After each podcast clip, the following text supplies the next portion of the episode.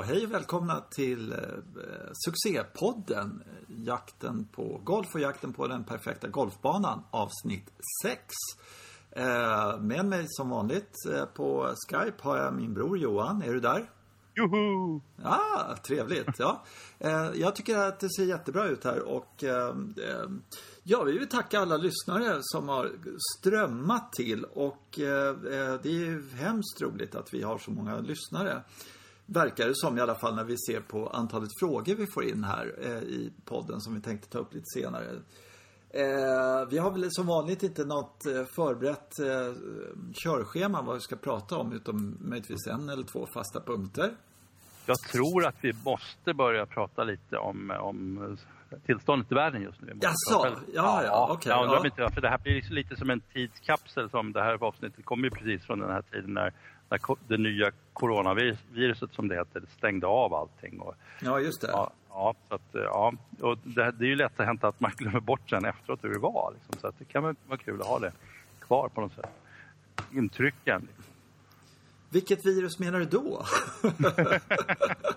Va? ja, spännande. Just det där. Det är liksom, det var som Emil sa i morse. Tidningen handlar inte om något annat. Det, det handlar bara om en sak. Mm. Man, man, kan bara läsa om precis bara det. Ja, men händer inget annat i världen? Jo, det gör det. Mm. Mm. Ja, vadå? Ja, så att jag tror att det, men vi kanske har något annat också att prata om. Mm. Ja, jag vet inte. Ehm, ja, vi kan ju ta det där med vårt eh, eh, Masters-tips. Det, det, kan vi ju lägga ner i alla fall. Ja, tror du inte Masters blir av? Nej, jag tror det blir Nej, svårt. Kanske inte blir. Nej, Nej, jag... vi får väl... Mm eh, steka det och så om det mot förmodan skulle tas upp någon gång i sommar eh, sådär, vilket mm. jag inte tror. Men eh, för det är för tajt golfschema överhuvudtaget så om det här, när det här går över så kommer de bara kliva på där de är, tror jag i alla fall. Eh, det, jag tror det känns jättefel med allting. Eh, att backa bandet och köra eh, Masters i, ja, de kan ju naturligtvis men, men jag, jag är tveksam. Ja, det är lite tveksamt. Jag såg i tidningen nu att nu skulle de köra Franska öppna i tennis skulle ju gå i september. Så, så är det ju. Ja. Just det. Mm. US Open går ju också i september och hur ska de klara av det? det jag tror inte att, eh, att, man funkar, att det funkar så helt enkelt. För att det är en så pass tuff turnering. De har spelat två mm. veckor och långa matcher. Så nej, men eh, på måndag börjar nästa. nej, nej, det är precis som du säger. Det, det, man måste nog stryka vissa saker. Vilket är liksom en unik situation. Det har väl aldrig hänt. Att, ja, det är andra världskriget hände sådana här saker. Men då var ju saker och ting i en helt annan proportion på något sätt. Mm, mm. Eh, det, det vi kommer få se nu, tror jag i alla fall, det är ju då att eh, rätt många av de här golfkillarna kommer liksom vara ute på sina hemmabanor och liksom bara spela socialgolf. Lite grann sådär. Mm. Eh, jag har sett några exempel på det och det jag tyckte var slående var då att eh, då är de ute med polarna och, och spelar och så lägger de upp lite så här sociala klipp. Eh, det var någon som var och spelade Wentworth till exempel då. Och det, då känner man knappt igen dem därför att då är de inte där och representerar sina liksom, sponsorer utan då är de där privat. Mm. Och då är det ganska slående att se hur lite logotyper de här killarna har på sig. De har inga logotyper på någonting. Eh, vi däremot, amatörgolfare, som eh, liksom, vi har stora feta blaffer på våra baggar och eh, kepsar som, som vi betalar för att mm. göra reklam för liksom, Nike eller vad det nu är. Sådär. Vilket är ganska fascinerande. Men man ser det att de här proffsen, de, de eh, tar fram tuschpennan och eh, tar bort allting sånt där. Mm. Ja, precis. Ja, och då, det... då, då, ser de ut som mer de här klassiska amatörspelarna som liksom amatörgolfen eh, på ett helt annat sätt. Och det är ganska mm. intressant faktiskt. Ja. Ja, det är Ja, mm. det, det är som du säger, det är din käpphäst där att vi springer runt som stora reklampelare för olika märken och, och vi har grejer som vi har köpt, betalat för som, som, som då gör reklam för Titleist och allt möjligt sånt där. Ja, det är, ganska det är på samma sätt som om man köper, köper eller, tänk om det var så när man köpte eh, en bil till exempel. Och då, eh, jag har köpt en Volvo och sen så strajpar jag den här Volvon runt om. Så att eh, det är stora eh, skyltar liksom runt om att det är en Volvo. bara för att det är en Volvo. Jag fattar inte det. Det är, det är någonting. Jag har också varit där att jag haft en massa logos och sådär. För att jag ville se ut som en professionell golfspelare liksom av någon anledning. Men, men eh, jag har gått bort från det där nu och jobbar på att få bort så mycket logotyper som möjligt på min utrustning. Dessutom så, så eh, ja, jag menar Titleist till exempel. De, de, de, klart de gör golfbagar för folk vill köpa dem. Men det är ju ingen på Titleist som vill jobba med golfbagar. Utan alla där vill ju jobba med golfbollar och med golfklubbor. För det är det de är bra på. Så det, mm. det, känns ju lite sådär, varför ska man köpa det för? Ja, det, det är min spaning i alla fall. Mm. Ja, jag tror att de skulle vara generellt sett mycket snyggare grejerna om man slapp de där stora blafforna på dem. Det håller, håller, håller helt med om. Alltså, att det skulle vara mycket snyggare att få till en bra bag, en snygg bag. Ja, jag håller med. Eh, jag såg en, eh, eller läste en intervju med eh, Prout på Djursholm som är 100 år. Nej, men han är jättegammal och har varit där 100 år. Och så, och så var det en bild på honom då. Och där var det precis sådär. Han hade ju liksom skalat bort alla logotyper och så. För han fick inte betalt av Titleist eller något annat klubbmärke. Så varför i hela fridens namn skulle han då ha en stor blaffa för dem? Så att han ja. hade ju letat reda på den här neutrala bagen. Ja. Eh, så att eh, det tror jag. Jag hoppas det blir en trend att folk liksom slutar fjompa sig med, med eh, logos på stora mm. feta logos och sådär. Att det är en trend mm. som, att det går tillbaka till om man nu ska prata utseende och stil på golfbanan, att det går tillbaka till att hylla att okej, okay, jag är proffs. Alltså har jag en Titleist eller vad det nu är, liksom keps, mm. självklart. Men är jag inte proffs utan betalar mina egna grejer, då, då då kör man lite mer diskreta saker. Mm. Det skulle jag ju propagera för i alla fall. Ja, definitivt. Mm. mm. Ja. Har du något annat att komma med idag då? Eller ska vi du... gå direkt på eh, eh brevskörden? Okej, okay, du, du, vill hoppa över coronan först? Vi ska inte prata Ja, vi kan prata om corona mer. Absolut. Ja, ja. Det är ja. bara, jag vet inte vad man ska säga om det bara. Jag vet inte vad det påverkar på något sätt. Jag har ingen... Det ingång i det. Har du någon så kan jag hacka på den sen då. Ja, du kan få hacka på den. Ja, alltså, ingången är ju det här, det, och det, men det är ju inte så mycket idrotten. Idrotten är med där, men hela samhället är på något sätt väldigt oförberett på den här situationen som inte är särskilt konstig egentligen. Det, det kommer inte ett, en farsot, ett, eh, ett mm. virus som är smittsamt som sjutton. Och vi gör ju på så, beter oss ju så numera så vi är jävligt känsliga för sådana saker. Det vet ju alla. Det har ju forskarna sagt länge att eftersom vi rör oss så mycket över klotet, vi går, mm. Mm. umgås så nära och så vidare. Så att det, mm. det är ju ingen ny situation att det här ett virus skulle kunna slå till och göra massa konstiga saker. Och så kommer det här viruset och då känns det känns som oj, var kom det där ifrån? Helt mm. oförberedda. Mm. Och så uppstår de här självklara historierna då, situationerna. Vi stänger ner vissa verksamheter för att folk inte ska träffas så mycket och då får det enorma konsekvenser och de konsekvenserna är ingen tänkt på, inte förberett sig för och så vidare. Så, men men alltså jag tycker att det är rätt intressant det där eh, det här med att hålla ett äh, idrottsevenemang utan publik. Skittråkigt. Mm. Publiken är ju en liksom, organisk del av idrottshändelsen, det kommer man inte ifrån. Men det är ändå så att det kan tänkas behöva hända.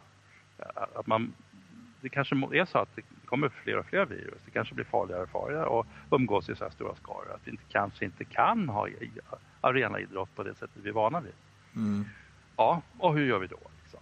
Eh, funkar det att tänka sig så att det finns ju teater och det finns film. Skulle man kunna tänka sig viss idrott som teater, där är publik annan idrott som, som film, där gör man någonting. Så, så dokumenteras det oerhört noggrant på, eh, i sändning. Liksom. Och sen så får man se den här idrottshändelsen i sändning. Mm. Uh, vilket egentligen är ju hur majoriteten av tittarna tittar på det. Vi tittar ju på TV. Man är mm. inte där. Det, det är en liten, liten skara som får komma dit och tycka det är kul. Det, ja. De kunde ju göra som eh, amerikanska eh, shower sådär, att de har burkade vrål. Ja. wow! In the hole! Och de har några ja, fyllon som st står och stör någon i baksvingen och sådär. Ja, visst. De kan ju ha en liten publik som, är, som de vet är immuna liksom. Och så, så kör de burkade skratt. Ja, det kan ändå de som, som idrottare tycka, fan det är publik här. Ja, eller kunde det vara så här, ja jävlar nu kommer jag till fjärde hålet, där har de fyra högtalare runt om. Och då vet vi att en är rödmålad och det är alltid den här ja. killen som vrålar i baksvingen då på var sjunde. Så här. Men, det kommer bli dramatiskt där. Ja, och, och, och, sen så, det här är ju, det är ju en sida av det hela. Så länkar det vidare till det här som jag tänkte mycket mm. på. det att alltså, Klotet blir ju mindre och mindre på det sättet att alla har ju, vi delar ju alla ungefär samma upplevelser. Och det betyder då att till exempel Wimbledon, Masters och sådär, alla människor som överhuvudtaget har hört talas om golf kanske vill åka och titta på Masters. Mm. Och då är, det ju, då är det ju för många direkt. Liksom. Och så, mm. så börjar de här människorna få mer och mer pengar och då förutsättningar att faktiskt åka dit. Till slut måste man säga så att det går inte. Nej. Det kommer inte ni kunna göra för man får inte plats eller vi kommer trampa ner. Augusta kommer inte finnas kvar som, som plats överhuvudtaget. Det är för mycket människor. Det finns ju vissa sådana här resmål i världen, Taj Mahal och sånt där som är, som är direkt hotade av erosionen för att det kommer för mycket människor. Ja, ja Venedig var ju, jag var ju där i somras, ja. det var ju ett skämt. Ja, och det eh, faktiskt. köps upp lägenheter och grejer. Så, att, mm. så att, och, och, då är det här frågan, hur, skulle, hur kan man tänka sig hantera den här utvecklingen? Jag skulle tycka att det vore jättefiffigt om man, jag som har varit och tittat lite på Masters och insåg mm. att när man är där så ser man inte så bra. Jag tycker att, att alternativet ska vara så mycket bättre. Mm. Så att inte alla vill åka. Alltså, vi säger att se Masters på, på TV ska vara en fruktansvärt bra upplevelse. Så jättebra fotograferat, eh, redigerat och liksom kommenterat och sådär. Och dessutom finnas tillgängligt så att folk tycker nej men jag stannar hemma, det är bättre. Mm. Och sen ja, också tillgängligt, för det är väl det som är grejen nu också med att idrott på TV håller ju på att liksom bli någon slags handelsvara som, som är svår att komma åt. Mm, mm.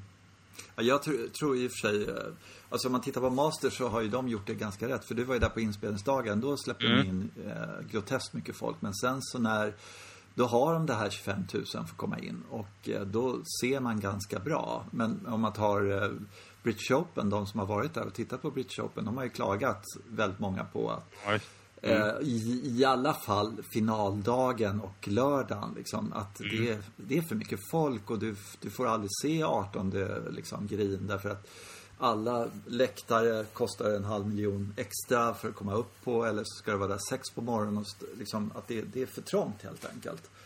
Mm. Eller, ja, så blir det, det, det ja. blir ju en väldigt bra tillfälle att göra business. Ja, alltså, det. Sälja det här dyrare och dyrare. Liksom. Mm. Och det, det, är ju lite osmakligt då. För att man, det är ju ändå tycker jag, eller tycker väl alla inom golfen, att det här är liksom var mans grej att få vara med och uppleva det här, men vi kan inte vara där allihopa. Runt 18 green när den sista Nej. bollen kommer in. Det, det är klart som fan inte vi kan vara där.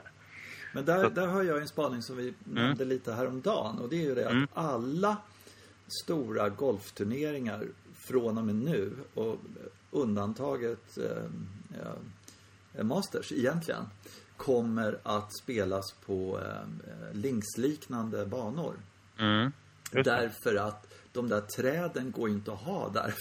Då, då, då, får du inte upp några läktare, du får ingen överblick, du kan inte ta in hundratusen människor, vilket du vill göra. Så att står du där väljer mellan en klassisk parkbana eller någonting sånt där, eh, skogsbana, parkbana eller något sånt där och en avhuggen eh, linksliknande bana, då väljer du en links... Mm. Alltså Ryder Cup till exempel, det, är, man kan tycka att det är lite eh, speciellt att de valde Marco Simone-banan i, i Rom. Den har jag spelat och mm. det är ju en parkbana i väldigt stor utsträckning. Men jag tror, nu kommer ju bygga om där, har ju byggt om där så otroligt. Mm. Så att de kommer ju bara skita i de där träden och bygga liksom läktare ovanpå träden eller runt så att det kommer Ja men de kommer ju, det kommer ju bli helt hysteriskt.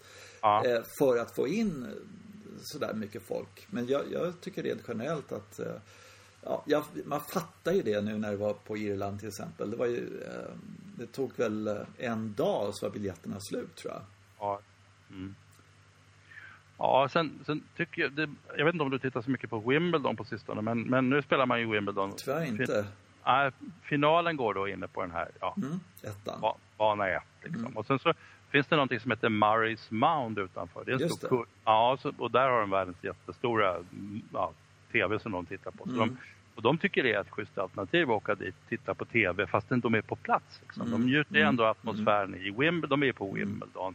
Mm. Och sen, så jag tror att det där blir en större, större grej också. Det måste man säkert göra på Ryder Cup, att man har stora tält eller någonting där man kan välja ja, men det har man ju. Det har TV-sändningen ja. och så ser man att det här är ett mycket bättre alternativ än att försöka krämma med bak i sjunde led någonstans och se mm. vem är det som puttar. Man måste ju fråga fram, hur är du längst bak där, fram där? Vem, vem är det som ska slå? Ja. ja men så att, så att jag, jag, tror att man måste tänka sig en sån utveckling för att hittills har vi bara släppt på och sen så när det har blivit mycket folk så har man bara tagit betalt. Och, mm. Så det är ju de två tendenser som finns liksom att mm. mm. tillgängliggöra och sen så göra business på det. Det vore lite mer demokratiskt att sitta, ja, tänka ut hur fan ska alla de här golfarna som gillar det här finnas kvar och tycker det är roligt. Och då måste man mm. göra det kul på något sätt. Ja. Samtidigt kan man säga att jag är rätt fascinerad av eh, hur lite publik det är eh, när, när de är i, alltså det, de är i Spanien till exempel och spelar mm. Europatouren. Ja. Då, då, kan man ju se liksom Stensson och Sergio, liksom vem, vem som helst. Och, och, så står de där och ska slå ut och så ser man det tre pers där. Eller när de är i Mellanöstern och sådär. Att det, det är otroligt lite folk. Det är de där liksom majors och, och, även när de var i Mexiko då. Det kan man ju fatta. De fattar ju inte på golf speciellt mycket. Men, men ja, det var i och för sig rätt mycket folk på slutet där. Men, men eh, vissa av dagarna är det soprent på folk. Ja, det är väl också det som är nischen nu för dem mm. som verkligen Åk inte till Sverige och titta på golf, för här finns jättemycket. Jättemycket, ja, jättemycket publik. Ja. Alltså Spanien, de har inga golfspelare. De har, nej, nej. det får ju folk dit och, ja, utifrån och spela golf på deras banor. Och så har de en liten stam av golfspelare, men de, mm. jag tror inte de, är, de är aktiva på sina klubbar. Så där är ju ett jättebra ställe att titta. Och så Mellanöstern, så det, de får ju inte spela golf. Nej. nej. Nej, så det, det, får vi, ja, så, så kan man göra. Det, det är som mm. alltid, man kan hitta någon tävling som är lite mindre och så kan man gå nära någon spelare som är lite, lite mindre sådär, känd. Mm. Då, då får man komma nära golfen. Mm. Liksom, mm. Och de är ju, det är ju inga sopor de heller, de som man går och tittar på. Nej, nej, nej. nej det, är, det tycker jag nästan är, jag vet inte. Alltså, så här, eh, jag vet inte om jag nämnde det, men jag var på Arlanda stad för många år sedan när de spelade där. Eh, och eh, missade Rory McIlroy. Ja, just det. Och du snackade om det förra gången. Aha, ja. jag fortfarande ja, stör jag mig ja, på, på det där. Ja, ja, liksom. precis. ja, vi hade någon kompis som eh, på Augusta, han, han hade varit tittat på Des Smith. När, mm. Ja, du vet, för att han visste mm. en klassisk gammal spelare, han är duktig. Och tittat på samarbetet mellan Des Smith och den här caddien då. Hur de, och det här var ju på Ullna. Liksom. Så mm. han, och då var det ingen, han var innanför repen, det var ju ingen fara med det. Mm. Man, mm. Man höll sig lugn så, så kunde man komma nära som helst. Mm. Ja, så är det. Det, det, det är ju det, eh, jag struntar faktiskt i liksom Stensson och grabbarna. Jag tycker det är mycket roligare att följa någon eh, liksom hundra-rankad om jag får komma nära och få stå mm. precis där jag vill. Alltså eh, typ att nästan stå där caddien står så jag ser alla mm. slagen och, och, jag hör allting och sådär. Det, det är det jag vill med, med en golfbana. Golf. Alltså, vad, stå på sidan till exempel på ett tee eh, du vet 20 meter fram och sen så är det någon som smackar iväg bollen. Du hinner ju inte se bollen. Du ser nej, ju inte nej. någonting. Det enda stället som är vettigt att stå är ju snett bakom eller bakom liksom. Det är ju ja, där du ser, ser slaget. Annars är det bara att titta upp i luften och du har ingen aning och sådär. Man riskerar att få ont i nacken när man ska hänga med. Ja, precis. Ja. Mm. Mm. Eh, jo, jag har en spaning faktiskt som jag tycker är lite okay. kul. Och det är Senior Tour på USA-touren. Mm. Eh, där har ju Robert Karlsson gjort en magnifik prestation genom att kvala in till den. Okej, okay, jaha. Ja, de, det är ju det är världens minsta fönster för de, de vill ju om man inte har vunnit så och så mycket pengar på ja, USA-touren. För mm. de, de är egentligen inte intresserade. De vill ju bara ha gamla stjärnor och sen skitsamma mm. om de är bra eller inte. Utan de ska bara vara mm. kända. Mm. Liksom, det är hela affärsidén och det, det, det köper jag faktiskt. Jag förstår mm. att det är så. För det handlar inte, det handlar om prestation men det handlar också minst lika mycket om det. Men då lyckades han i alla fall, för de har ju då en, det går att kvala in och han fick väl en av fem platser tror jag det var. Sånt där. Mm eh, och eh, otrolig prestation. Ja, och eh, ja. han är ju, har ju spelat på Europatouren och gjort det halvhyggligt. Uh, så du tycker det? jo, men det hade liksom några runder sådär. Så, ja, topp 10 och sen så går det åt fanders på lördagen. Eller sådär. Han har hängt med hela vägen till söndag så har gått åt skogen där. Men, men så var det någon gång han kom ganska bra och sådär. Så att, uh, men jag tror han, han, han har nog lidit lite. Men så kom han med där och uh, kom väl topp 20 i första tävlingen tror jag, eller något sånt där. Och sen så kommer jag inte ihåg om det var någon, men sen så, sen var han uppe och fightade som slutseger. Ja, jag tror att Robert Karlsson fortfarande är en riktigt vass golfare. Ja, Ja, jag ju på det. så... Ja, mm. det. Och eh, han puttar ju som en kratta just nu. Ja. Alltså han, han, han har en nervös sida liksom sådär på, som Mm. jag har sett tidigare också när han, när han körde någon matchspel mot Api Banrat. Och det är inte många år sedan, kanske fem Mm. år sedan eller något sånt där. Så kom de i särspel. Mm. Eh, English Masters eller vad det nu heter. Men det var en matchspelstävling. Inte speciellt stor men ändå Mm. liksom. Var Europatouren och allt det där. Eh, och han var ju, sen så fort han kom i särspel var han helt värdelös. Okej. Eh, han, han träffade inte en fairway. Alltså 18 fyra gånger något sånt där. Och Apri Bandra till slut liksom gjorde slut på lidandet på något sätt sådär. Ja. Så det, det var lite jobbigt. Han, han, han hade liksom, eh, funkar inte där. Och nu var det också några puttar där på 15 16 eller något sånt där som, nej, sådär. Eh, det där skulle, Mm. den skulle ha puttats Även om du missar så ska du inte missa på det där sättet som han missade på. Liksom. Han försökte få bollen att dö i hålet på något sätt. Sådär. Och sen Ja. gick den under kopp. Och, nej, det var rätt trist. Men Mm. jag tror att eh, nästa svensk på eh, Senior Tour som, som vinner, det är faktiskt inte Robert Karlsson utan det tror jag är Jesper Parnevik. Jaså? Ja, det är mitt tips. ja, jo, men jag Ja. tror att han drivs. Han har inte haft, han har varit där ute på Senior Tour nu i ett, ett gäng år, tre, fyra år eller vad det kan vara och sådär. Och eh, han, jag- tror han är en sjuk tävlingsmänniska när han har någonting att liksom bli, ja, gå igång på eller vad man ska säga sådär. Eh, och det här tror jag han går igång på. Det här vill inte han.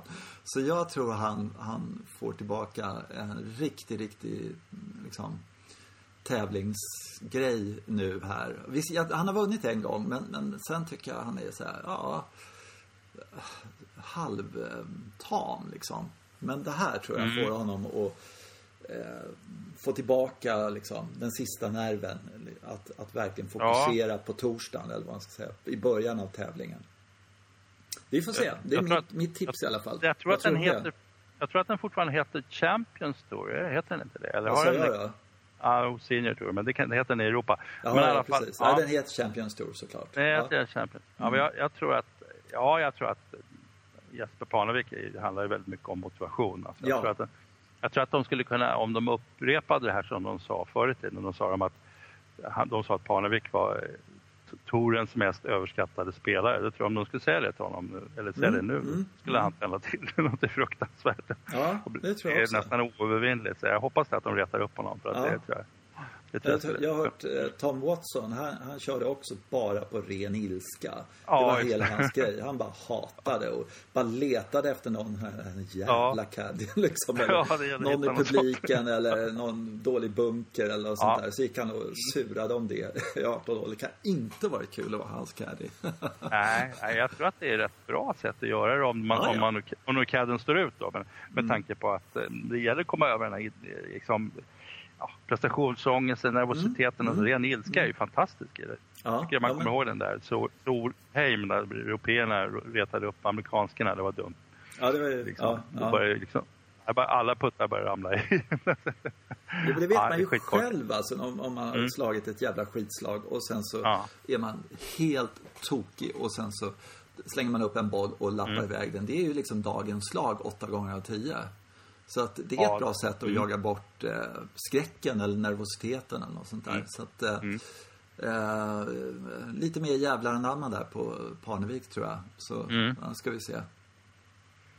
Ja, det är mitt tips i alla fall. Vi får Ja. se här om jag får rätt här. Om de överhuvudtaget spelar några mer Ja. Senior Tour-tävlingar. Just det. Det är intressant, men och sen är det ju lite, lite frågan om också hur han ligger till finansiellt. Alltså för att han, det där bygget han byggde, det där huset, det, det tog ju ner. Men nu har de ju så mycket andra sidoinkomster har jag fått Mm. förstått. Liksom. Det är ju tv och allt möjligt. Alltså. Det, Mm. det är möjligt att ja, det kanske är nyttigt för även, även efter 50 att vara lite jagad. Liksom. Ja, det tror jag. Ja, Det ja, tror jag. Hungriga, hungriga vargar jagar bäst. han måste ha ju lite pengar. Liksom. Ja, det kan vara Ja. så också. Fast Ja. jag vet inte. Jag tänker ändå på något sätt att de tjänar så mycket. Så att eh, de, nej, jag, jag tror inte det är en drivkraften riktigt. Så. Men, men att en annan svensk kommer och krossar honom varje vecka sådär. Det tror jag. ja, det skulle kunna vara. Det, Ja. det kan vara så. Ja, då Ja. börjar han träna. Ja, precis. Så, så slår han Robban, då, då vinner han ju liksom sådär. Mm. Och, och jag tror inte det är träning, jag tror det var liksom koncentrationen från dag ett sådär. Att, Mm. liksom, och varje moment hela vägen, inte bara tappa det och börja snacka aktier eller någonting på golfbanan. eller vad han nu håller- Jag vet inte vad han håller på. Ja, det är min gissning i alla fall. Jag, jag har säkert fel. Nu Ja. tänker jag eh, att vi går över på eh, brevhögen här. Vad säger du om det? Det kan göra. Alltså jag tar ju bara ett ur högen här nu så får vi se vilket det blir. Eh, men här kommer en som börjar väldigt bra också och då tänker jag att det här måste vara bra. Eh, Hej succépodden! Tack för intressant program. En sak ni borde ta upp är klädsel. Jag har spelat med folk i sandaler som förmodligen aldrig ägt en pikétröja. Om medspelare klär sig som sopåkare så märker man inte att man har råkat hamna på den perfekta golfbanan. Man spelar Ballybanjon men det känns som man är på Björkhagen. Hälsningar Mats. Jaha. Mm. Det var, var intressant. Om, om medspelaren klär sig som sopåkare. Ja, inte faktiskt att man blir utsläppt på banorna. Alltså, jag vet att, att, att man har släppt väldigt mycket på det här med klädkravet nu med. Ja. Men eh, just det där med sopoverallen tror jag inte är go- godkänt. Blir man inte utsläppt. Nej, nej, nej. Det kan man ju säga att, eh, Ja du Mats, eh, vad ska vi säga om den här lilla frågan? Att ja, sandaler tror jag inte det är någon golfbana där, det- där det känns sådär exakt. Även om det finns golfskor nu som är byggda som sandaler så, så godkänner Mm. inte det. Där, där går gränsen. Men annars får man nog säga att eh, alltså, eh, titta på de andra runt i, eh, hur de andra klär sig så får ni klä er likadant. Det är väl det Mm. man får Ja, acceptera. Jag har ju några sådana här riktigt sköna historier om klädsel. Eh, Mm. En skönaste och dummaste, för det är ofta rätt dumma grejer. Det var, vi var och spelade eh, Sandwich som eh, har faktiskt en, en enda openbana jag har spelat. Och den, det var där de eh, hade, 1934 eller någonting sånt där. Och den var lite så här Porsche och lite tjusig och sådär. Och sen så hade vi väl spelat eh, ett varv eller vad det nu var och eh, skulle in och käka en snabb lunch. Eh, och eh, fattade ju att vi inte kunde ha golfdojor så vi eh, slängde på oss gympadojor och gick upp i eh, lunchrummet där då. Och så kom han fram och så där sa, nej, ni, det är mm, läderskor som gäller här, dark shoes eller någonting sånt där. Ja, okej, då hade vi alla kläder med så det var inga problem för vi var på resande fot så det var bara tillbaka ner i bilen och eh, byta om till eh, läderdojor då och eh, upp igen och sådär. Och så när vi kommer upp så utanför restaurangen så, så är det 20 par gympadojor. Nej, gympadojor var förbjudet, så sa de. Det var absolutely no Ja. Och sen när vi kommer upp så, så ligger det 20 par gympadojor utanför där. Och så är det en, en skolklass som hinner och käka lunch som har varit på någon exkursion. Bar, i, bar, utan skor helt enkelt. Strumplästen. I strumplästen är ordet. Ja, ja. Och det var helt okej. det, var ju, det var ju inte gympadojor, så det var ju regeln. Det, den tycker jag var bra. Jag kan tänka mig att det höjdes ett och annat ögonbryn där om det fanns några medlemmar i närheten och sådär. Men, men jag, jag förstår det, de kom undan här. Och, liksom, och så var det en helt, en helt oklart. Det var 20 kunder så att okej, vi gör så här den här ja. gången. Så, Ja, men vi- re, så vi regeln var servera ju inga gympadojor. Du Nej, det. ja, ja. Och, Ja. och den, den följde de till punkt Ja, och pricka. Ja, jag tror faktiskt att eh, den regeln gäller fortfarande. Jag var ju i England för två år sedan i alla fall. Eh, och då, eh, då hade de gett upp, konstaterat de, eftersom även, gott, eller även England har fått en annan eh, golfpublik så, så har det spruckit det där med alla möjliga liksom, tjusiga tröjor och sådär. Men de, inga jeans och gympadojor. Det var, alltså, annars så sk- skiter vi allt, stod det på några anslag som vi såg på de här finare Mm. klubban. Mm. Eh, men det är väl de kraven de har fortfarande. Mm. Ja, det var en bana som eh, jag läste på den tiden inte fanns eh, internet och så hade man en bok och så skulle vi spela en bana som jag aldrig hört talas om. Jag tänkte, ja men det blir bra och det var billig och sådär. Så, så var det varmt och så stod det en eh, eh, requ- requirements eh, tailored shorts. Ja, just det. Och Ja. tailored shorts och vi, ja. Äh, vi, vi åker dit liksom. Så där. Ska vi gå till skräddare och, och, och liksom, jaha, det, det, det kan ju, ja. Det är en tuff klubb. Det här är säkert någon väldigt tjusig sak. Så kom vi dit var det en ganska enkel klubb och det var inga problem och sådär. Vi betalade vår green fee och gick ut och spelade. Men så efteråt då, så frågade den här proven bara du, eh, det där tailored shorts, vad är det? Sådär. Ja, men då var det här att man skulle ha de här vad ska man säga, strandshorts liksom. Det ville de Inga, inte inga badbrallor. Inga badbrallor, no bathing suits. Så, Eller vad det nu heter, bathing trousers. Ja. Det, det var, men det, det är det bättre sätt att säga det var tailored shorts. Ja, ja precis. Ja, jag tyckte också det var förvirrande när vi var på Isle of Wight för ett antal år sedan. Mm. Och då, men och då, så det, jag tog för vana att klä på mig och sen gick jag och visade upp mig för the secretary. Och sen så frågade jag, kan, kan, jag spela, kan jag spela så här? Så, ja, fick man tummen upp och så fick man men det, det är väl det som är grejen, Ja. att man, man, man tar seden dit den kommer. Liksom. Ja, och sen ja. så gissar man lite innan så man inte är helt ute och cyklar. Liksom. Eh, och sen så eh, eh, får man liksom acceptera att eh, vissa klubbar i vissa länder är stenhårda och eh, andra är, är inte det och sådär. Det, är- det är väl så jag tycker faktiskt. Mm. Det som var svå- lite svårt var, det som var lite svårt var när man skulle käka lunch eller gå till baren. För att, och, för då, men de hade ofta så att det fanns en barpersonal som var väldigt uppmärksam på, för jag spelade i shorts, jag brukar Mm, göra det, men man fick ju absolut inte gå in i klubbhuset Nej, nej, nej. i shorts. Men det, det, ofta fanns det ett enda rum där inne i klubbhuset som man fick vistas i i shorts. Men det fattar man ju inte som gäst, hade man inte hajat det. Så det hände ju någon gång att jag gick in fel och blev utföst och sådär. Och så, ett par gånger så var det så att man stod utanför klubbhuset. Då kom de ut direkt för då insåg de att man ville beställa någonting. Man fick liksom, liksom stå utanför så blev man serverad där. då. Så. Men in, in i den här lokalen där man käkade, där, då var det precis som du säger. Det var black leather shoes och långbyxor och så, så vidare. I klubbhuset var Och det spelar ingen roll hur klubbhuset i sig såg ut. nej, nej, nej, nej. Men det ser ut som en barack bara. Men Ja, det, det här ja. är klubbhuset, det gäller vissa saker. Ja, ja. ja men det är... eh, Jag, jag, I'm all for it att det är tydligt bara. Mm. Eh, tydligt men inte otrevligt. Så får man gissa sig till och sen får man ju fråga. Det tycker Mm. jag är... eh, Jag funderar på... Det var en gång när det var Ellie, Ellie Links.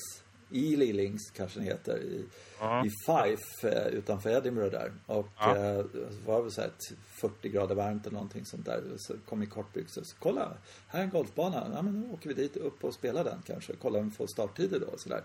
Så gick vi bara upp och frågade, finns det någon möjlighet att spela den här golfbanan? Stod vi där i shorts.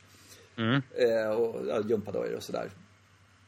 Och då så, så, så, så här, lite snobbig men ändå liksom så här. First of all, you can't play in those, sa hon och pekade på de där byxorna. nej, nej, nej, vi fattade. Vi har långbyxor Ja. så här. Ja. Eh, och sen gjorde vi ett sånt otroligt misstag. Vi skulle ju naturligtvis, för det fick man nämligen göra där. Man fick spela i kortbyxor om man hade långa strumpor. Och Ja, det skulle vi ja. åkt ner på byn och köpt givetvis. Mm. Som såna här knästrumpor. Liksom. Det hade ju varit svinkul. Det Mm. missade vi där. Men, men eh, ja, ja. Det, det, är- det är inte så lätt. Eh, men, eh, ja. Ullna Ja. vet jag, de hade väl något sånt där att man inte fick spela i kortbyxor ett tag, har jag för mig. Har vi inte hört någon historia om någon som... Eh, men då måste jag sluta med det där. De Ja, inte- det var någon som hamnade i shoppen där och köpte ett par rosa brallor kommer jag ihåg. Men, men eh, vad, och, vad det berodde på, att han hade jeans på sig eller något sånt där, det kommer jag inte ihåg. Va? Nej. Jag var, ja, det där är svårt. Men, mm, Jag har spelat en runda i jeans i hela mitt liv. okej. Eh, och eh, det kan jag bara säga att det är, jag kommer inte göra om det, men det är egentligen inte för att det jag tycker inte det passar på en golfbana, men dessutom så blir, när man blir lite svettig så blir jeans tunga att gå omkring med och de börjar liksom hänga på något sätt och sådär. Så att jag är inte så mycket för jeans av den anledningen. Men eh, om någon annan spelar jeans så får de göra det. Jag, det stör inte mig det minsta. Nej, jag skulle inte tänka på det. Men det är rätt intressant det där som du säger, att jeans inte är särskilt praktiska att spela i. Det, är rätt, det har ju funnits en, ett och annat plagg inom golfen som inte har varit så ändamålsenligt. Till exempel de här tweedkavajerna som britterna hade i början. Mm. Ja, kring 18, ja, 1900 kallt Ja, ungefär. ja. Uh, och som då när de kommer över och ska spela mot amerikanerna, så amerikanerna hade inga sådana här hang-ups när det gäller klädsel. Så de, de var ju fria i sin sving Mm. helt enkelt. Ja. Mm. Och det kan ju det kan kännas lite fånigt att man, är, ja, man klär sig så illa så att man inte kan röra sig. Det är, ja, det är ingen höjdare. Det är, det är typ det värsta som finns egentligen i golf. Ja. När man eh, liksom har fel kläder på sig. Ja. Eh, ska vi ta brev två? Ja, gör det. Hejsan! Eh, jag tycker att det måste vara jättesvårt att vara objektiv när man ska tänka banor om, om man faktiskt spelar dem. Själv tycker jag Hovås är kanon. Sköt en 74 där. Ja, eh, men är mindre imponerad av Ullna, aldrig gått under 85. Är ni verkligen objektiva eller har ni bara spelat bra på den perfekta banan? Hälsningar Gillis. Ja, nej, men det håller jag med om. Det, det, där har man ju hela tiden eh, tyckt att så där beter sig ju andra spelare. De kommer tillbaka och rapporterar en jättefin bana och sen åker man dit och så spelar man den så konstaterar man att han spelade nog bra när han var här. För att mm. det är mm. inget speciellt med det. Så, så är det ju. Alltså, man trivs ju när man spelar bra. Eh, men efter, ja, jag skulle nog vilja säga att man efter ett tag spelat några gånger på en bana så, där, så hunnit spela både bra och dåligt och kanske har lite bättre begrepp om hur den här banan funkar. Det tycker jag. Och sen finns det ju lite, eh, det finns ju lite objektiva kriterier, vilket jag, mm. ja, det är svårt att prata om objektivitet kanske i golf, men det finns ju vissa saker, det brukar vi ju faktiskt ta upp lite ibland när vi diskuterar banor. Mm. Att jag tycker så här och så här och det beror på det här och det här. Jag, jag ser det här och hur de har tänkt och hur de har gjort. Mm. Vem de prioriterar som spelare och premierar och så vidare. Vad tycker du? Ja, det där är, ja, jag håller nog med lite där att Alltså, jag tycker nog att eh, eh, ja, man är ju subjektiv, givetvis. Eh, och, och jag försöker bara se, den ur, se golfbanan ur olika perspektiv. Och jag kan fatta att den sämsta banan i Sverige så kan jag förstå att andra tycker att den är jätte, jättebra. Men, men jag tycker att den är värdelös. Eller um, ja, eh, ja, jag, jag Ja, jag tycker nog att jag kan bedöma om en golfbana är bra och jag försöker se den ur olika synvinklar. Till exempel kan man ta en bana som Sand till exempel som numera är faktiskt en ganska bra golfbana men, men eh, tidigare så var den eh, alldeles för oförlåtande och hade den negativa aspekten ganska, det var alldeles för mycket tjock ruff på de här kullarna till exempel.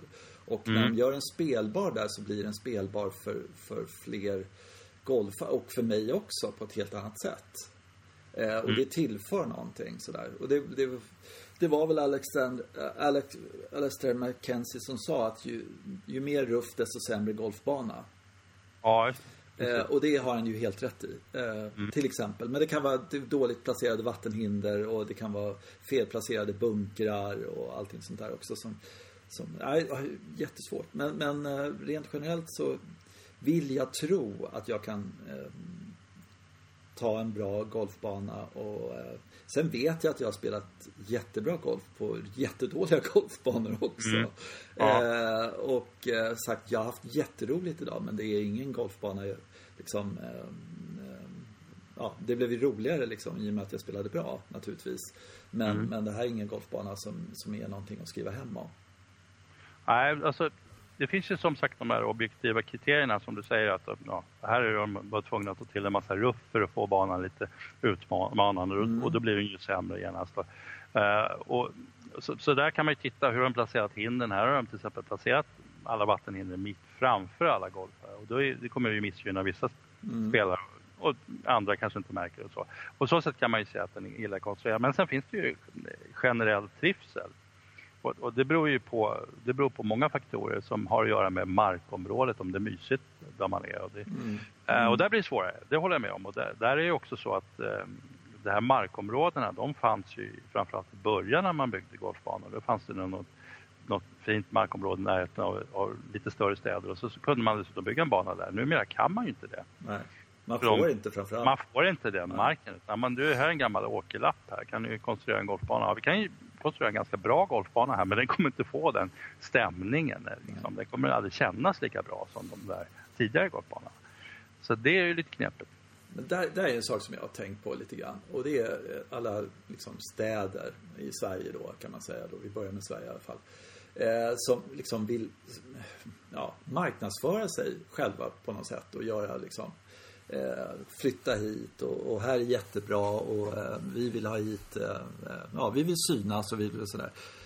Varför skickar de alltid ut golfbanorna ut i skogen för då? Istället för att flytta in dem så bara mycket de kan i, mm. i, i eh, liksom stadsmiljön på samma sätt som de gör i Skottland eller England. Att det... Eh, jag fattar inte det. Alltså att de inte tänker längre. Jag tror att, ja, eller om man tänker på till exempel Irland, Dublin till exempel, om man tittar på flygfotot över Dublin så är det ju liksom, oh, en massa gröna tungor är här och det är golfbanor som går in i stadsväven. Liksom. Ja, Men jag tror att det måste vara någonting som har, ja, som var där, då fanns där en gång i tiden. För att alltså en mm. golfbana är ungefär en kvadratkilometer mark. Mm. Och det är ett mm. Otroligt pris på den här marken. Om man tänker sig att man ska kunna etablera industri eller bostäder eller någonting. Så att mm. det går liksom inte bara motivera att ja, men vi ska ha ett gäng dårar här som går runt och slår på en boll här. Jaha, vad, vad får man, hur mycket pengar går, får man in då? Det får man inte.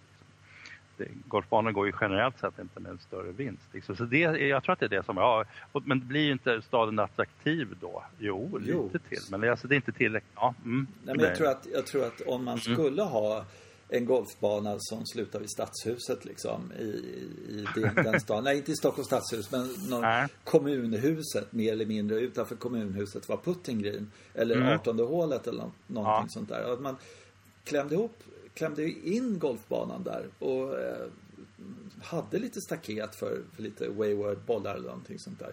Så, eh, så, istället för att man hela tiden ska vara tvungen att åka minst fem kilometer utanför och på vägen så passerar man alla de här jävla industriområdena liksom. Flytta ut dem en mil och göm undan dem och ta det området där och så, så liksom börjar så är det en slinga ut och sådär för att det går att klämma in golfbanor på de mest märkliga ställen för det ser man ju liksom efteråt som Edinburgh till exempel sådär. Det finns massor med golfbanor inne i Edinburgh som, som du kan cykla till. Jag, ja. jag tycker det är jätte, jättemärkligt. Ja, och sen har de inte kört ut dem där, därifrån. Där. Lite här i, i Stockholm har vi lite tendens att det blir så trångt. Alltså Kävinge har ju blivit av med bitar av mm. mark och sådär. Mm. Mm. Lite så har de ju passat på att sälja det dyrt då, så att de har ju pengar istället. Men lite mm. sådär. En central golfbana är till en Gumbalde på Gotland, men det är ju ingen stor ort där. Jag kommer inte ihåg vad den heter. Den heter ja, just det. Just det. Ja. Så där, ja fast det är det är ingen ort. ja, men de tycker det. Den ligger vid kyrkan tror jag. ja, det gör den faktiskt. Det gör den. Ja. Det är sant. Ja. Mm. Uh, uh, men jag tänkte mig sådär som uh, Kristianstad till exempel. Ja. De har ju Kristianstad GK, det ligger i Åhus liksom. Det ska ju heta Åhus ja, GK, det är ju bara larvigt. Men alltså Kristianstad, eh, så precis utanför murarna eller ska jag säga, så är det bara åkerfält. Sådär. Mm. Men skicka det någon annanstans. Och bygg en golfbana som, som liksom folk kan gå på fram och tillbaka. Perfekt för ungdomar och bla bla bla och sådär. Och strunta i det där med range utan gör en smal och rolig och knixig eh, niohålsbana eller någonting sånt där. Hur svårt kan mm. det vara? Jag fattar inte hur hysteriskt det hela tiden ska vara med, med att eh, nej, här kan det inte vara. Det är där de ska vara. Så nära stadskärnorna som möjligt. Ja, tycker jag i alla fall. Där har vi ju lite problem i Sverige med, naturligtvis med att golfen inte var inte var en del av samhället förrän väldigt sent. Och då, då, jag vet ju till exempel hur man resonerar kring Uppsala, där tycker de ju att åkermarken är någonting fruktansvärt. Den är helig på något sätt. Så där, mm. där har man ju skickat ut golfarna. Och lagt ner. De har lagt ner. Jag tror den heter Kobo. Eller något ja, sånt där. någonting sånt. Precis. Att, att, eh, och jag var där och kollade på den mm. liksom, av ren ja. tillfällighet. Och det, det, är så tragiskt. Den ligger också i ett jättefint villasamhälle där. Ja. Och de skulle kunna ha kvar nio hål och, och den skulle, det skulle bli så otroligt spelad. Eh, mm. Och folk skulle kunna eftermiddag gå ner och spela fyra hål och sen så gå mm. hem och kolla på nyheterna. Så här, perfekt. Ja. Men nej, mm. liksom, alltså fånigt. Så det är mm. intressant. Eh, mm. Vi måste slänga in sista frågan här också, för jag har en tredje okay. också. Och äh, vi har ju hur många frågor som helst, men vi tar mm. en tredje tänker jag. Okay. Mm. Eh, här kommer från en kille som heter Gurra. Jag tycker att mm. ni ska besöka Stockholms GK. Då skulle ni inte behöva jaga längre efter den perfekta golfbanan. Hör över till mig så får ni rabatt på Greenfin. Gurra. Det är ju lite så att han har rätt. Det är ju på många sätt en väldigt fascinerande golfbana. Kevingen som den kallas för. Eller ja, den är jätte, jättetrevlig. Ja, den är jättetrevlig. Sen, sen ja. finns det ju andra människor som tycker att oj, oj, oj, vilken liten kalanka bana den är liten och trång och sådär. Så, men, men den är rolig, det är den absolut. Absolut. Den, Eh, och dessutom så ofta väldigt bra skick. Den har ju funnits där hur länge som helst. Alltså det mm. måste ju vara 50-talet, 40-talet eller något sånt där, kanske till och med tidigare. Och man kan ju tänka sig hur mycket sanddressing det har liksom sjunkit ner i de där markerna under årets lopp. Så att jag tycker ofta att den är väldigt bra eh, dränerad. Ja, den klarar sig rätt bra. Ja. Uh, sen, ja, jo, det måste ju vara... Först spelade man ju golf i golfängarna i sump, mm. Sumpan där, men det var mm. väl kring 1900 kallt och sen tog det väl, det kan vara 20-tal, 30-tal man flyttade till, till Kävinge då. Det här tyckte man ju hade mycket plats som helst. Det är ju ingen stor golfbana med dagens mått med. Mm. Sen som, som sagt, de har ju blivit naggade i kanten lite. De har ju sålt av lite mark för fruktansvärda pengar men de, mm. det blev ja, man fick ju stympa hålen lite. Det, mm. var en par femma som blev en par fyra och så vidare. Mm. Ja, det märks mm. där borta i hörnet tycker ja, jag. Det känns. Ja, där, det känns. där är lite skitbana faktiskt. Uh, ja. Och något staket och lite så här, uh, så. Men, men uh, kommer man bara bort från de här tre, fyra hålen där så så är det ju, äh, det är kul att lira den. Riktigt, riktigt skoj. Är kul. Så har de ett riktigt skithål, tian där som är, jag inte riktigt, det har de väl, uh, vad är det större, ja, skulle kunna göras mycket, mycket bättre. Men det, det är ett par femma, det är dogleg på slutet där. Man ska komma fram till kröken men det gör man inte riktigt så man får aldrig slå det tredje slag. jag vet inte vad du menar, det är lite ja. eh, inom, Skreva har de liksom eh, ja, plattat till lite där. Ja. Mm. Eh, men sen är det bra det, Men det är ju rätt kul ändå liksom att ha det där. Nej, du ska inte slå det här 170 meters slaget här. Nej. Eller det är inte ens det liksom över så. Det, det är bara dumt. Men, men eh, mm. ja. Ja men det är, lite, det är mycket sådana här skrämselfaktor som på elvan som kommer efter det. Så mm. Snett upp för backen och så är det jätteravin höger mm. och så någon slags ravin vänster och ja, du vet så mm. Det är lite, ja, man går som på knivsäck. Det, det, är, det är riktigt spännande. Mm. Ja, eh, sådana här stadsnära grejer, det är vi all for, verkligen. Mm. Ja, verkligen. Eh, mm. Ja, jag gillar den. Det var några år sedan sådär. Så att, eh, vi får väl uh, snacka med där Gurra och se om vi kan komma ut till en riktigt billig peng, penning. Ja, han kanske kan smyga ut oss på banan. Där. Ja, vi får se om han hör av sig efter det här avsnittet. Eh, eh, lyssnar du på poddar? Andra poddar alltså, förutom vår? Det, ju, nu, det här är ju lite pinsamt då, men det gör jag ju inte. Nej, jag, nej, nej, jag, jag pratar in. Ja. jag tänkte, eh, de som inte gör det sådär. Eller så kunde jag tipsa dig då eller något sånt där. Eh, det finns eh, en snubbe som heter Erik Anders Lang. Har du hört talas om honom? Nej. Nej, det är en amerikan. Eh, jävla trevlig kille och som har en podd och sen så kör han på Youtube och gör massa filmer och åker runt och marknadsför olika orter och länder och sådär. Och så har han en podd där han pratar om golf och sådana saker. Han hittade golfen för, eh, kan det vara 10-15 år sedan eller något sånt där och mm. blev helt såld på den. Alltså fullständigt. Mm. Han gör ingenting annat än lira golf varje dag liksom. Det känns så i alla fall sådär. Eh, jag brukar, jag tycker det är kul och han är eh, intervjuar då eh, massa golfstjärnor. Bland annat Henrik Stensson i ett avsnitt där. Eh, och eh, rätt kul. Han, han har på något sätt inte riktigt vuxit upp med det och sådär. Men det som jag tyckte var roligast med det, det är alltså man får den här bilden som man i och för sig kände till. Men, men när han är i Europa och spelar golf och framförallt i Skottland och Irland och, och sådär. Så blir han helt tagen av eh, enkelheten att spela golf på bra banor i eh, mm. sådär att Nej men vi betalar 500 pund om året och eh, det är vad det kostar att spela här och vara medlem på Balibanien eller vad det nu är liksom, eller mm. sådär. Och, och, när han jämför med, med, hans liv och hans sätt att eh, i Los Angeles tror jag det är han håller till. Och, och, och det, ska be, det ska betalas hysteriska summor för, för de här bra klubbarna då. Uh, och det, är rätt, det tycker jag är rätt fascinerande. Han kommer inte över den där grejen att Nej, liksom, okay. Ja men vet, juniorer ute och spelar och sånt där. Det finns liksom inte. De har ju sina eh, public courses då, men då är de väldigt enkla, du vet, sådär, mm. pay and play-banor helt enkelt. Mm. Och med, vill man liksom spela lite bättre eller komma med i någon klubb som är liksom någorlunda schysst i, i Los Angeles så, så måste du vara stenrik helt enkelt. Mm. Eh, och det, det, är en rätt eh, sån här grej som man hör honom hela tiden vara fascinerad över att, att det är så accessible i Europa jämfört med eh, England och ja, även Sverige då han pratar om liksom, mm. jaha, så du Stensson, du kunde gå med i en klubb så här. Ja, vad då då? ja, precis. Ja, men det, jag förstår. Det, och det är lite märkligt. Det, det är samma enklaste landet att spela golf Det är ju säkert Irland.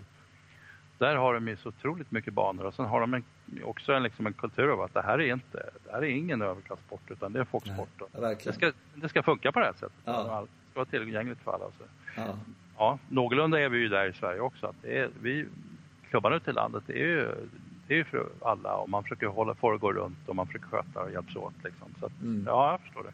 Så gör man ju absolut inte i USA. Där hjälps man inte åt på något sätt utan där gör man ju så möjligen en medlem i någonting om man betalar tillräckligt mycket och man förväntas inte bidra med någonting eller göra Nej. någonting. Eller snacka med folk överhuvudtaget utan man är där och spelar och betalar. Mm. Så det är lite skillnad. Ja, det är det. Men, men eh, samtidigt så äh, förvånas jag över att de inte har löst det. För alltså, Amerika är ju inte... Nu kanske det är lite annorlunda om det kommer ut lite i de mindre orterna. Att det inte är samma Mm. hysteriska country club-grej att det måste vara en swimmingpool och det måste vara så och så många som sköter banan och sådär. Att det, det är lite enklare om det kommer lite ut på vischan och sådär.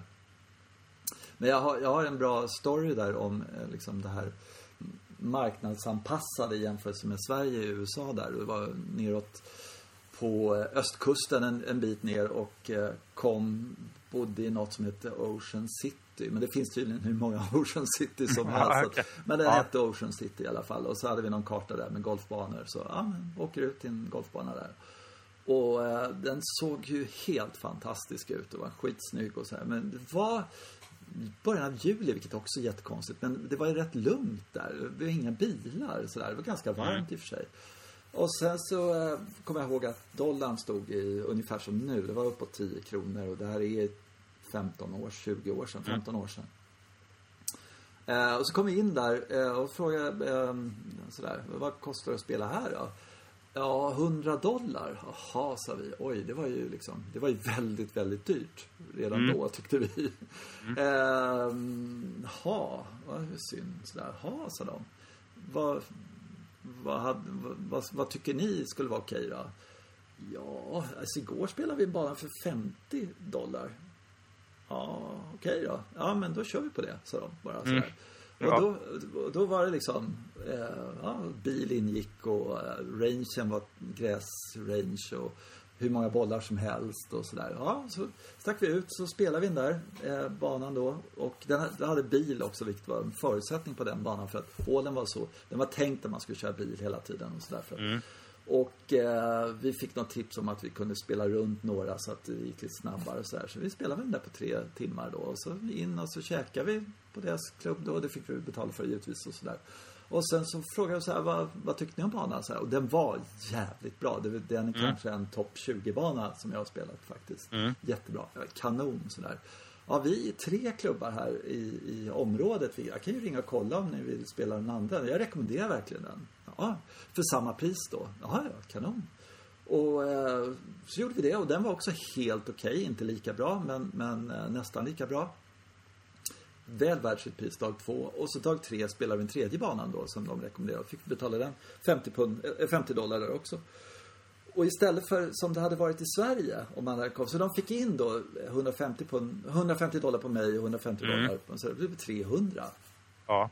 Istället för att vi begick därifrån. Och den marknadsanpassningen, ja men vi fick in de här pengarna. Mm. Jämfört med hur det var i alla fall i Sverige och är liksom. Även Kommer man ut och ser grinerna luftade och så kostar det 700 spänn att spela. Eh, vad kostar det här? Ni har ju luftat grinar, 700. Ja men det är ju ingen på banan. Skulle man inte kunna tänka sig? Nej, det är, det är mycket mer stelbent. Alltså Ja, det marknadsanpassningen eh, där. Och det var, det var faktiskt en, en lesson for life att eh, ja, nu gick eh, 300 dollar ut ur dörren här, eller ska vi behålla dem hos oss? Mm. Liksom. Jätteskickligt. Och jätteimponerande, det glömmer jag aldrig.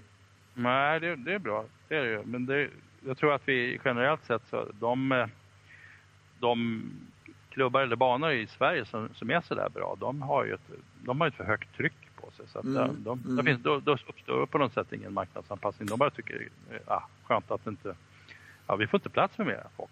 Så att, nej. så att den, riktigt den nischen finns kanske inte. Det, skulle- det skulle vara om man tänker sig någon klubb som Svarting eller någonting. Men de, det är också sådär, de vill ju ha det här exklusiva, de vill inte ha folk där. De som är där, de är beredda att pröjsa för att slippa se alla andra. Så att, Ja, Ja, så, att, så är det nog. Men jag tyckte en intressant grej, vi, när vi, var, vi har ju varit en hel del i Wichita i Kansas. mm.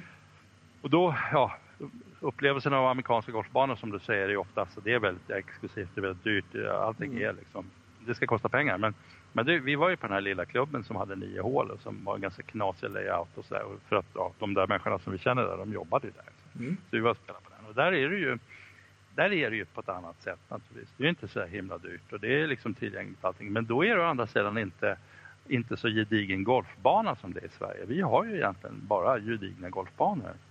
Ja, men det håller jag med om. Och eh, även restaurangerna på de där riktigt enkla kan vara riktigt usla. Det är liksom Ja, så är det ju. vending machine liksom. Och, Ja. och that's it. Eh, och, och det är blaskigt kaffe och det är liksom Det är för jävla dåligt helt enkelt. Ja. Så vi har ju haft, vi har ju haft där, liksom, det har ju varit där föreningstanken. Mm, Det- Den rörelsen har ju sett till att man har byggt ordentliga golfbanor. Man har byggt restaurang och klubbhus Ja. och så, så att, För att det vill folk ha.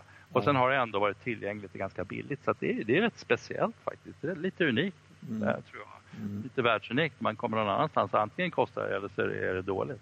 Mm. Mm. Mm.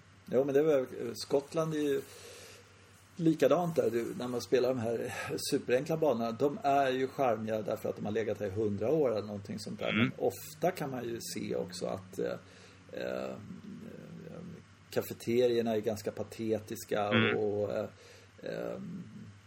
TIS är liksom eh, det är dåligt skötta och det, det, det är liksom lite hillybilly över det hela också. Så man får liksom ingenting för pengarna.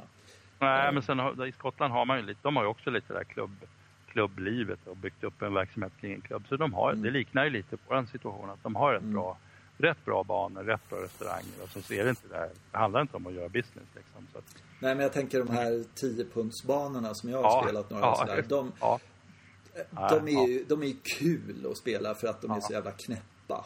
Ofta. Och, och eh, liksom, eh, det är behållningen av dem. Eh, Mm. Men, men grinerna går ju liksom... nej, det kan ju vara lite så. Jag Ja. kommer ihåg kommer ihåg någon bana i Glasgow-området vi spelade. Mm. Och sen så var det liksom, jag slog en, en drive och sen skulle jag knuffa in den på green ungefär varje hål. Så där. Så kom, men så kom vi till baren sen och då satt det någon, någon farbror där, ett par farbröder som sa så du tror att det här är någon jävla pitch, ch, drive and chip? Vad fan, var skitirriterad över att jag liksom hade förnedrat det. Ja, det var kul. Så det var ju ofta, det var ju liksom, lokalfärgen var just människorna där. Ja, ja, visst. Många speciella upplevelser. Ja. Jag vet någon sån här pay and play vi spelade i Skottland och var ett tid där. Det lutade så fruktansvärt Ja. uppåt så här. Det var meningen att man skulle spela upp för. Men då hade Ja. det liksom, eh, det blev ännu mer så att eh, hade man tagit en järnfemma då hade man liksom slagit över sig själv och bakåt. det kändes så. Så man fick liksom gå ner på någon järntrea och greppa ner och för att liksom hålla ner bollen. Över- Överhuvudtaget få den framåt. Ja, precis. Så jag uppförde den sen som en järnnia fast den gick ju, det var jättemärkligt. Ja. Mm. Eh, ska vi prata lite om eh, vår golfresa kanske, som vi har planerat? Mm. Ja, det- börjar bli ganska långt där. Är det inte? Ja, det har det blivit. Men vi kan ta det bara och sen så, Ja. folk Mm. får väl sluta lyssna, det är väl inte mer än Ja. så. Så är det. Vi har, eh, Ja. ehm, en, en, för mig en vit fläck på kartan vad det gäller Sverige och golf och sådär. Jag har många vita, men inte så många, men några i alla fall. Men det är, är Blekinge och eh, vi ska dit och eh, spela de tre bästa golfbanorna där faktiskt, som rankas enligt Golf Digest. Eh, Sölvesborg, Karlshamn och Karlskrona. hoppas jag att inte några Blekingebor lyssnar på det här som spelar golf för att då kommer vi få stryk om vi, om vi inte har valt just deras bana. Ja, ja, du menar så. Ja, ja, Nej, precis. ja, vi får vara lite diplomatisk men, men vi har valt de där tre banorna. Ja, precis. Nej, men det, det är enligt en ranking i Golf Digest så, så, Mm. de så, här, så jag bara hänvisar till en ranking. Jag, Okej. sen Mm. får vi se om de, de är så bra som eh, vi hoppas. Och där är ju, det är ju faktiskt rätt kul. Man får ju redan bilder av hur man vill att det ska vara och sådär. Och jag är lite, alltså titta på Karlskronas hemsida. Den är inte speciellt imponerande, den hemsidan. Så att den känns sådär som, ja, ja, hade jag bara sett hemsidan och inte vetat att den var liksom högt rankad, då hade jag nog trott att det var en skitbana faktiskt. Eller en riktigt, mycket, mycket enkel bana. Men eh, Mm. ja, det ska bli jättespännande att åka dit och spela den. Mm. Och då är det väl Karlskrona och Karlshamn som har eh, ganska lång kultur. Alltså, Ja, just Karl- det. Båda två har ju funnits så länge jag har spelat. Men sen på något sätt Sölvesborg tillkommit, det är Mm. lite osäker när under de här Mm. åren. Men, eh, och, och Karlshamn har vi spelat många gånger och haft väldigt, jag har väldigt mycket fina minnen från den banan. Det är kul Mm. att se, se vad, vad det berodde på. att det Ja, precis, som jag spelade ja, bra. Jag sänkte mig där. varje runda. Ja, lite osäkert. Ja, vi får se. Ja, men det, Ja. det, kan, det kan vara så där ibland att man liksom bara... Mm. Eh, ja. Det, det ligger jävla yxigt till, alltså, det måste jag ju säga. Blekinge. Det är det enda jag har emot dem. Ja, fast Blekinge kallas ju samtidigt för Sveriges trädgård. Det är ju ett alltså, väldigt naturskönt område och har ett speciellt klimat som inte, som inte liknar egentligen någonting annat. Ja, kanske Skåne då. Men det är, alltså, det är väldigt, väldigt milt och bra klimat där nere. Så att det här är ju Mm. ett fiffigt ställe, golfresemål tror jag. Tror, ja, nu har ju ingen haft i Sverige haft någon vinter den här vintern, men tidigare så är det så att Blekinge Ja. ligger långt före. Liksom. Ja, ja. Ja, jag, jag tycker det här är spännande. Kul när man kommer, kommer på någon, något område och så känns det väldigt lovande och sådär också. Mm. För att, eh, Mm. Eh, det är inte varje gång det känns så. Utan ofta kan du känna att ja, ja, nu åker vi dit och det är lite favorit i repris och vi vet exakt vad vi får och sådär. Och det kan ju i och för sig vara bra. Men, men den här gången så är det i alla fall eh, förhoppningar och inga onda aningar eller något sånt där. För det har ju också hänt. Att Mm. man känt sådär att, eh, nej. Eh, ja, mm, ja. Mm, nej, men det, det, jag tror att det, att det är fint. Men det är ju alltid så där som du säger, att man åker till någonstans där man har varit tidigare. Sen, så, sen har det hänt någonting med golfkulturen. Det har hänt någonting med banan, det har hänt någonting med klubben. Mm. Och det ska bli kul att se vad som har hänt med Karlshamn sen senast jag var där till exempel. Mm. Eh, förhoppningsvis har de hållit ångan uppe. Så, som, som de hade förr i tiden var det ju en väldigt trevlig klubb att komma till. Mm. Mm. Sen är det ju, alltså det är ju fint. Det är fantastiskt med den här Mörrumsån då. Som Ja, ja, ja. Ja, det är fint. Det. är. Men jag tror inte att vi kommer, vi brukade bada på, vid 16 green där, men jag tror inte vi kommer göra det här. Det är lite tidigt i maj. Maj, ja. Ja. Mm. Eh, nej, men, men ja, det ska bli kul. Vi ska eh, spela någon form av eh, tävling också. Vi fyra är vi som åker iväg. Mm. Det ska vi säkert kul. göra. Ja. Eh, får du sno ihop det så kan vi ta det i nästa avsnitt. Att du Ja, pratar precis. om spelformer när man Ja. är iväg på en sån här resa.